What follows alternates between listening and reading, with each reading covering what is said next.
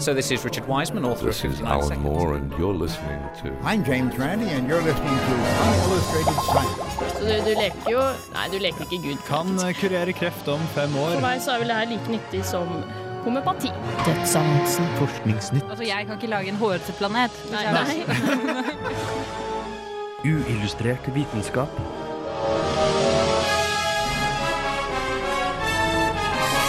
Science, it works, bitches.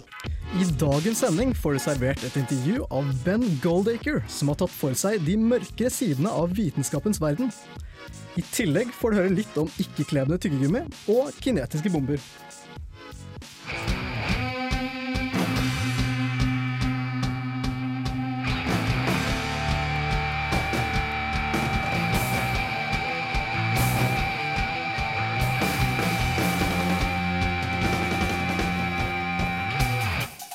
Yes, yes, det er en grå dag i Trondheim, men det gjør ingenting. For med meg i studio så har jeg med jenta som er søtere enn C6 H12O6, Jeanette Bø. Ja. Og gutten som er større enn Argon, Oleivind Sigrud. Takk, takk. Jeg er kulere enn et C60-molekyl. Mitt navn er Sønner Slam, og du hører på Uillustrert vitenskap. Yes, vitenskapsåret 2011. Det har jo blitt eh, fyrt i gang for en elleve måneder siden. Men i, på var det 8. november så kom Ben Goldacre til Nidarhallen. Stemmer Det det? var Nå på tirsdag så var han i Olavshallen. Det var da Kunnskapsbyen eh, som arrangerte det foredraget. Han eh, dro jo da etter det til Oslo på Vitenskapsåret, men det var jo Kunnskapsbyen som hentet ham inn. Det vet jo alle. Ja, og du, Oleivind, har jo vært så heldig å få et intervjue med denne herlige Ben Goldacre. Å, det var jeg. Ja, men eh, det kommer da etter eh, 120 Days med Osaka.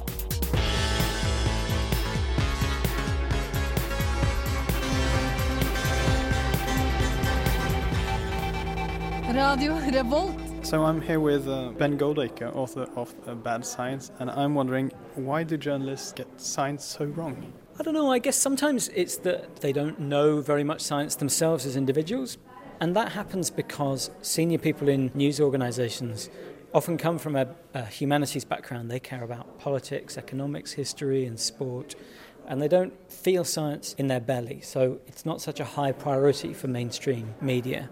And that means that you will get errors in science that would be impossible in sports coverage. And you get people covering science who have a level of knowledge that is much lower than you would expect from somebody covering, say, football or, or basketball. But you also get a second problem, which is sometimes science can be a vehicle for mischief. And you see that in the vaccine scares, especially of the last 10 or 15 years. There are situations where, where things have been put so deceitfully that it's actually very difficult to say this was an accident, this was incompetence. It just looks like it was people being deliberate. But then, lastly, you also see in the kind of miracle health cure journalism, you know, we found this amazing breakthrough that will prevent cancer and help you lose weight. I suspect that journalists would like to feel a little bit heroic sometimes. And I think that drives a lot of the miracle cure journalism and also a lot of the health scare journalism. You know, it's a, it's a cheap and easy way to feel like you're doing something of earth shattering importance. And do you see the situation improving anytime soon? I, I don't see the quality of science in the media improving, but I think what's really great is that there's a huge, vast army of very erudite dorks online who are producing an enormous amount of really great pop science on blogs for nothing, for free, just out of sheer passion. And that stuff is often a million times better than anything I read in national newspapers. And you've written lengths about alternative uh, therapists, uh, but can you learn anything about real science uh, by studying pseudoscience? Yeah, absolutely. I mean, that's that's the only reason I do it. I mean, I don't really care about quacks. I'm I'm slightly sadistic, but I'm very. I feel I feel sort of entertained and intrigued when I see people being ripped off by handing over their money for sugar pills. Again, it tells you a huge amount about the role of, of science and medicine in culture when you see people, firstly, harbouring these very deep rooted fantasies about treatments which aren't effective. But also, it's really interesting to see how people can distort evidence and pulling scientific claims that are incorrect apart and showing how they're incorrect. It's what scientists and engineers always do. You pull something apart to see how it works when it's broken. Um, and that's exactly what, what pseudoscience does. It's an opportunity to talk about how real evidence works by showing how bad evidence has been produced through distorted methods. You don't just uh, criticize quacks and um, and journalists, but also pharmaceutical companies and uh, real scientists. Uh, how are they doing bad science? So the thing I find really interesting is that quacks and big pharmaceutical companies both distort evidence in exactly the same ways, using exactly the same tricks. It's just that pharmaceutical companies use slightly more sophisticated versions of those same tricks. And they use slightly more sophisticated versions because they have to bamboozle doctors who are a little bit more capable of spotting when they're being presented with misleading evidence. So, I suppose one example of this is um, cherry picking. So, we let homeopaths, quacks, get away with cherry picking, only referencing the studies that support the use of homeopathy and ignoring the other data that says that homeopathy is no good. But actually, it turns out that drug companies do exactly the same thing. In fact, because they sponsor the trials, they refuse to publish the trials showing that their drugs don't work very well routinely. And we don't know the true effect size of the medicines that we're prescribing in many cases because so much of the data has been withheld. So it's really interesting to me how they all use exactly the same tricks. Uh, you'll be talking at a conference called Can We Trust Science? So, can we trust science? Is that what the conference is called? Okay, I'm going to have to look it up. Um, well, no, you know, um, science isn't about trust. Science is about looking at the methods of the experiment that somebody has done and which they have transparently described to you, and then looking at the results and deciding whether you think those results support a particular hypothesis or course of action. Science isn't about trust. Science is about, you know, it's about how do you know that something is good for you or bad for you.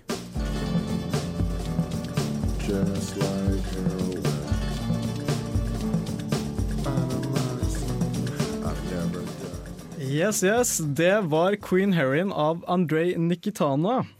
Ja, Goldacre han er jo en skeptiker, men ulikt eh, andre skeptikere, som Ole Eivind Sigrud, så angriper han ikke Snåsemannen og healere, men heller vitenskapsmenn og legemiddelbransjen. Ja, Det er ikke helt unikt for Ben Goldacre, da. men eh, det er jo sant at vi skeptikere vi fokuserer jo fryktelig mye på alternativbransjen. Jeg vil si eh, med god grunn. Eh, Men det er jo ikke slik at eh, alt er fantastisk i vitenskapens verden heller. Eh, Faktisk er det ganske mye snusk, og der er Ben Goldacre en ivrig kritiker. Og eh, hans eh, neste bok, som han holder på å skrive nå, handler nettopp om det snusket. Den boken heter da The Drug Pushers. Hva slags snusk er det han egentlig kritiserer? Nei, for å ta én ting først, så drives det fortsatt veldig mange placebokontrollerte studier av nye medikamenter. Og det høres jo egentlig ikke så ille ut, da, fordi placebokontrollerte studier er jo gullstandarden for å finne ut om noe har en effekt. Men for en lege så det viktige når det kommer et nytt eh, medikament, er ikke har det en effekt, men har det en effekt som er bedre enn det medikamentet vi bruker i dag. Og da, et, hvis et legemiddelfirma kun eh, publiserer en haugvis med forskning som viser at jo, den har en effekt, så sier ikke det så veldig mye til legen, fordi de vil vite ja, men hvordan er den i forhold til det andre. Ja. Men uh, han nevner jo at legemiddelfirmaer de cherrypicker studier. Hva, hva mener han med det? Nei, da kommer man inn på noe som kalles publikasjonsbias, som går utover at uh, negative studier, og studier som ikke kommer frem til en virkning, verken negativ eller positiv, uh, de blir ikke publisert i like stor grad som positive studier. Eh, Men det er ikke sånn bevisst kynisme nødvendigvis, og det er heller ikke kun legemiddelfirmaer som da lar være å publisere slik forskning. Det går også på journaler f.eks., og at man anser eh, negative studier som litt mindre interessante. Men så er det jo absolutt en del kynisme ute og går også. Eh, Blant annet så driver en del legemiddelfirmaer med hemmeligholding av studier. Du har jo Cochrane-samarbeidet. Cochrane? Ja, det er eh, en eh, ideell og uavhengig organisasjon som eh, driver med systematiske oversikter over effekt av helsetiltak. hvis, ja, hvis du vil vite om noe funker eller ikke, så kan du sjekke Cochrane. Så er det ganske til å stole på. Og de har ofte gjennomført, eller prøvd å gjennomføre sånne systematiske gjennomganger av legemidler. Og så har de blitt nektet tilgang til studiene av legemiddelfirmaene, og de har rett og slett ikke villet gi fra seg forskningen sin for å vise all dataen. Og da når de ikke får all dataen, så kan de ikke ha et realistisk blikk av eh, effekten på det medikamentet. Hm. Det virker jo nesten som legemiddelfirmaene bare ønsker å tjene penger og ikke har lyst til å hjelpe oss. Merkelig. Men uh, vi i Uillustrert vi er jo veldig enige om Goldacres entusiasme for blogg og podkast. Ja, uh, det er vi jo. Men jeg har jo også ambisjoner om å bli en ordentlig forskningsjournalist, uh, så jeg spurte Ben Goldacre om han hadde noen tips til meg. I like to view myself as a budding uh, science journalist. So, uh, could you give me a quick guide to how I can distort science to make it say what I want it to say? Yeah, uh, just ignore anything that goes against the view that you already hold. Only talk to people who will reaffirm that view. Use technical terms deliberately to mislead and confuse people, or, or rather to exert your authority over them, to make them believe that you have special knowledge that they don't. Um, yeah, and all of that is the complete opposite of what science should be about.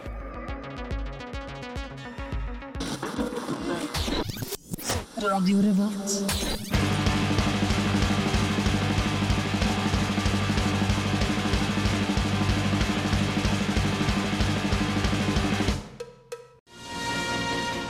Uillustrert vitenskap presenterer Forskningsnytt.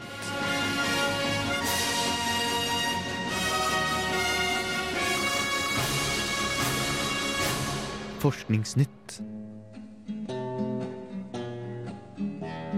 Russland gjør et nytt forsøk i å nærme seg Mars.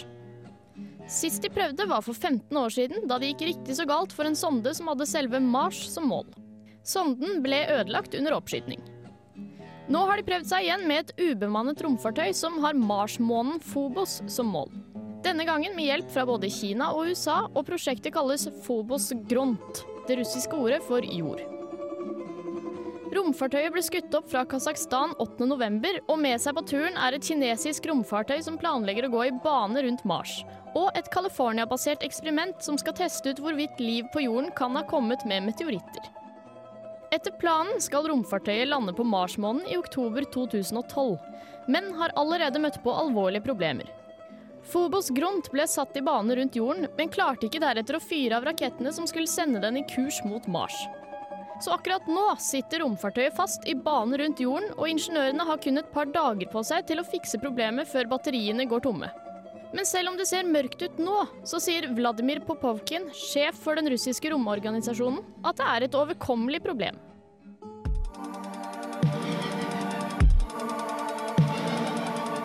Når vi stirrer et stund på en ting og deretter slutter, skjer det ofte noe underlig. Vi ser et bilde av tingen i dens komplementære farge.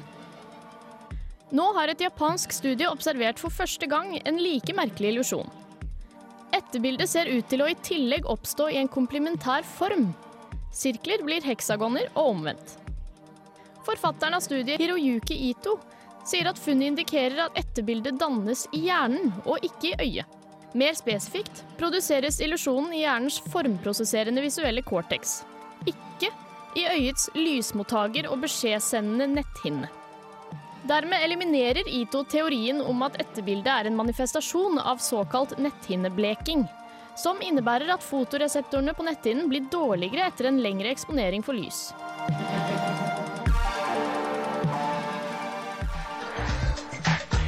Vi finner de overalt. I løpet av en trivelig dag på lesesalen har hånda di av en eller annen grunn klart å berøre undersiden av pulten. Og der innser du plutselig at du sitter og beføler noe en ukjent person har tygd på over lengre tid. En jævla tyggis. Noe som urenslige og ekle mennesker liker å feste overalt i offentlige bygg for å øke rengjøringskostnadene. Men redningen er på vei. Professor Elke Arendt ved Universitetet i Cork har utviklet en prosess for å lage biologisk nedbrytbar tyggegummi som ikke er klebrig. Det har alltid vært et problem for tyggegummiindustrien å lage ikke-klebrig tyggegummi i og med at det som gjør den klebrig, også påvirker egenskaper som smak. Men nå har altså professor Arendt og hennes kolleger løst problemet ved å øke elastisiteten til naturlige proteiner.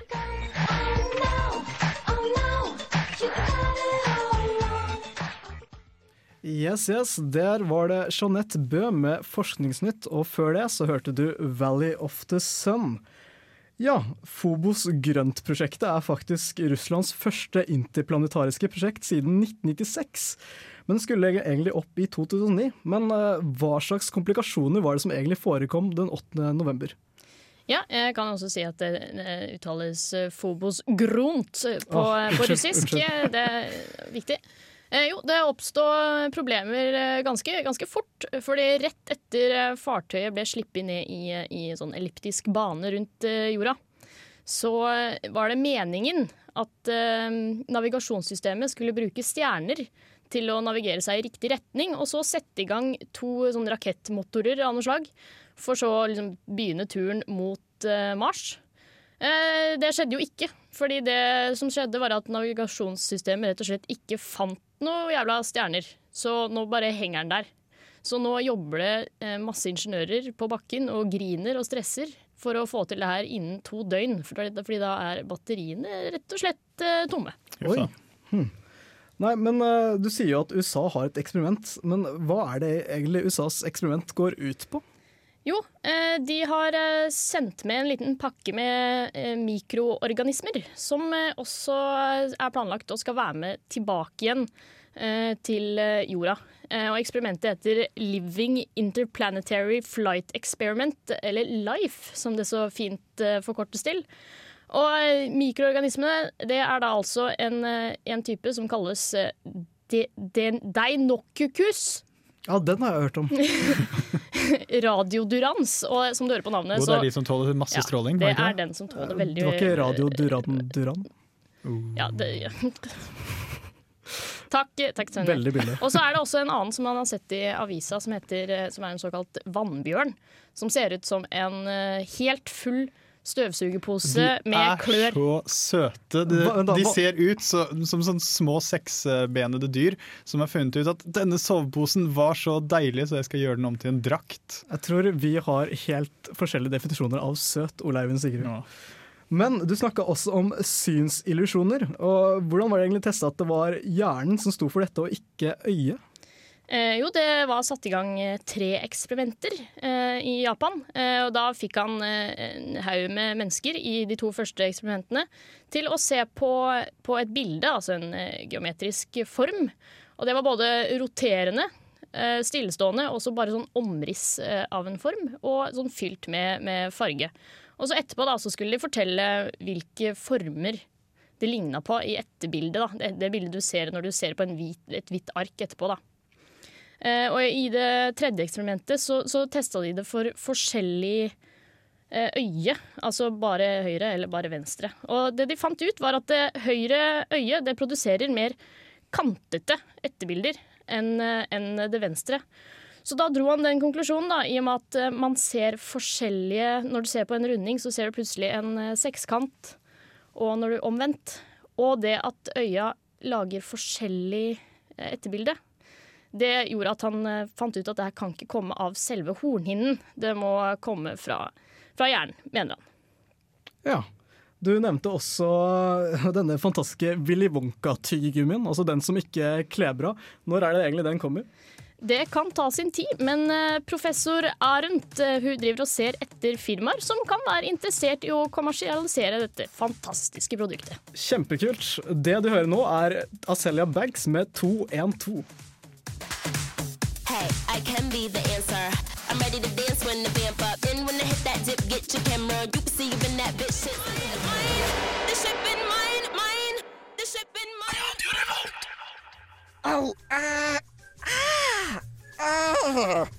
Oi, det der hørtes vondt ut. Au, au, au, au, au, au! Hvor er det det gjør vondt? Nei, jeg har så utrolig lagt i hodet! Gjør det så vondt at du føler deg invalidisert og får lyst til å drepe deg selv? Ja! Hvordan det? Da lider du mest sannsynlig av Hortens hodepine. Hortens hodepine, eller clusterhodepine, kommer av trykk rundt den femte hjernenerven, nervus trigeminus. Dette fører til en stikkende hodepine, som kan være opptil 100 ganger verre enn en migrene. Pinen blir også kalt for selvmordshodepine, grunnet at smerten er så uutholdelig at den i noen tilfeller fører til at pasienter med sykdommen tar selvmord. Selv om pinen er regnet for å være den verste smerten et menneske kan oppleve, er den fullstendig harmløs.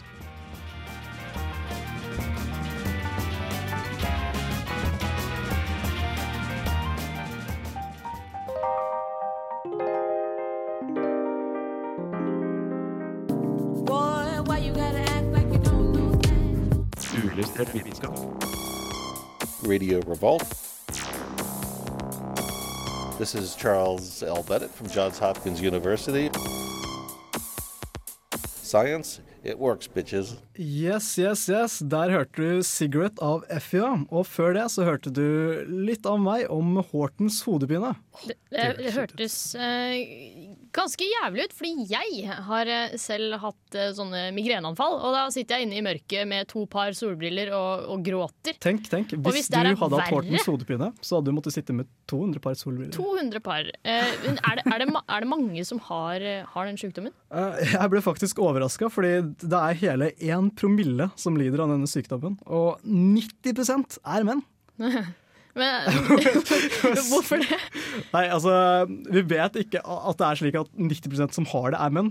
Det man lurer på, er at kvinner kanskje er dårligere til å rett og slett si ifra. At de ikke klarer å skille mellom migrene og Hortens hodepine. Ja. Ja, nei, for det virker jo naturlig at uh, mange kanskje tror at det er migrene når de har en forferdelig kjip hodepine. og Selv om det er 200 ganger verre, man vet ikke nødvendigvis hvor ille en migrene er. da. Nei. Men det må finnes en, en eh, behandling. Uh, vet du hva, man kan faktisk ikke behandle det vekk, men når du først uh, får et anfall da, av clusterhodepiner, så skal det hjelpe med ikke mørk sjokolade og honning, men heller sopp og LSD. Uh, Altså sopp. Hæ? Hvilken som helst sopp. Uh, Sjampinjong, kantarell, nei, fleinsopp. Oh, ja. Ja, Fluesopp. Kjempebra. Uh, yes, det du hører nå er Scarlett Shice med The Horror.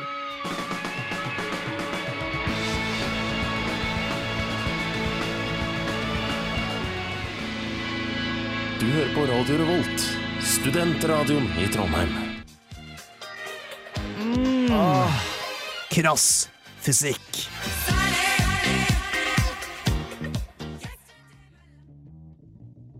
Om du skal bringe død og helvetesild over dine fiender, kan det bli litt vanskelig i dag. Dagens raketter har en begrenset rekkevidde. Fly kan bli skutt ned, og det er diverse avtaler og traktater som ulovliggjør kjernefysiske våpen i verdensrommet. Men kombinasjonen science fiction og kald krig har høstet utallige frukter. En av dem er Thor-prosjektet. Ideen her er å frakte Wolfram-påler til å gå i bane rundt jorda. Om vi slipper en slik påle fra omløpsbanen ned til jordoverflaten, vil det nå en helt vanvittig fart. I tillegg vil omløpsfarten til en slik påle være på rundt 9000 km per sekund. Så den totale kinetiske energien til pålen vil derfor være enorm når den eventuelt ankommer bakken. Mindre påler eller prosjektiler vil komme til å ha en like stor destruktiv kraft som rundt 225 kg eksplosiver. De største pålene kan være like ødeleggende som dagens kjernefysiske våpen. Så hvilke fordeler har man med Thor-prosjektet? Med riktige omløpsbaner og posisjoner har man en global treffsikkerhet, og man slipper radioaktivt avfall. Og ulempen er død og massiv ødeleggelse.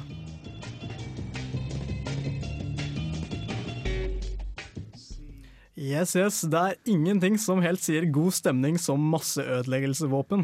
Jeg må si at det var en ganske stor ulempe. Men eh, hvem var det som egentlig hadde ideen for det der?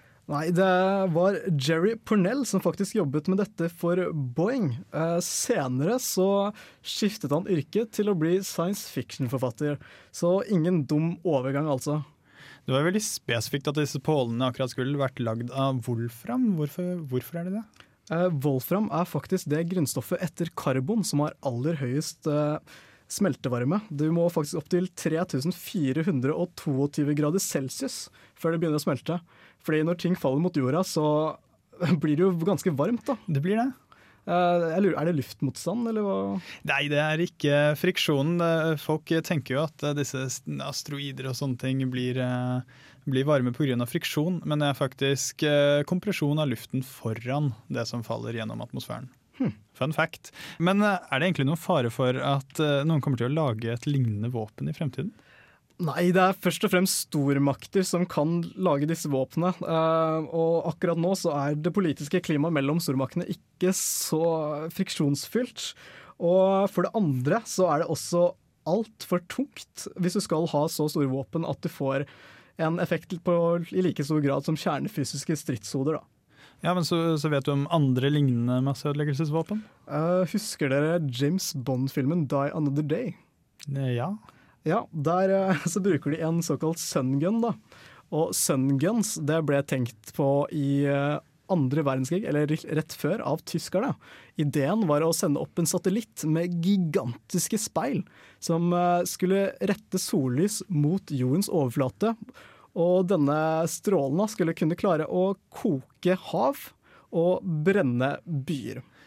Men Det, det blir litt sånn brutalt for meg, så jeg vil heller da trekke frem at eh, romspeil eh, ikke kun er brukt som våpen, men eh, det har jo vært veldig mange forslag om eh, tidligere å sette opp speil sånn at man kan belyse katastrofeområder om natten eller noe sånt noe. Eh, og i det siste for å reflektere vekk sollys for å forhindre global oppvarming, blant annet. Det er kanskje litt bedre enn masseødeleggelsesvåpen. Ja. Eh, men nå så har vi en dødsannonse. Dødsannonsen. Dødsannonsen. Dødsannonsen. Dødsannonsen.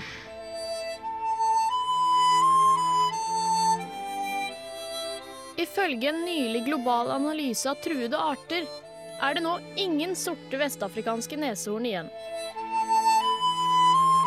Vestafrikansk sort neshorn var en av fire underarter av sort neshorn.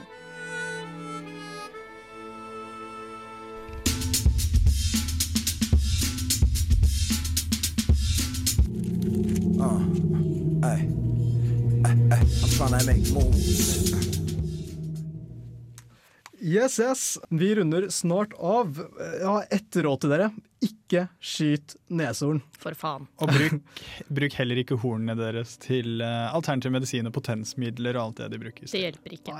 Etter oss så kommer Filmofil, og de skal ha om eh, filmer som 50-50, Tower Haste og One Day. Og jeg har hørt at Jens Erik ikke kommer, så jeg skal iallfall høre på. Åh, Den var slem. Ja, følg med, det er all go god grunn til å, eh, til å bli sittende på Radio Revolt, altså. Yes, yes. Ikke Ja. sitt på Radio Revolt. Uh, jeg har vært sønn i islam, og dere har vært Ole Sigrid Sigrud. Jeanette, Lisbeth Jeanette Bø. Og vi har hatt med oss tekniker Arne Bye, som fyller 29 år i dag. 28 år. Takk for oss.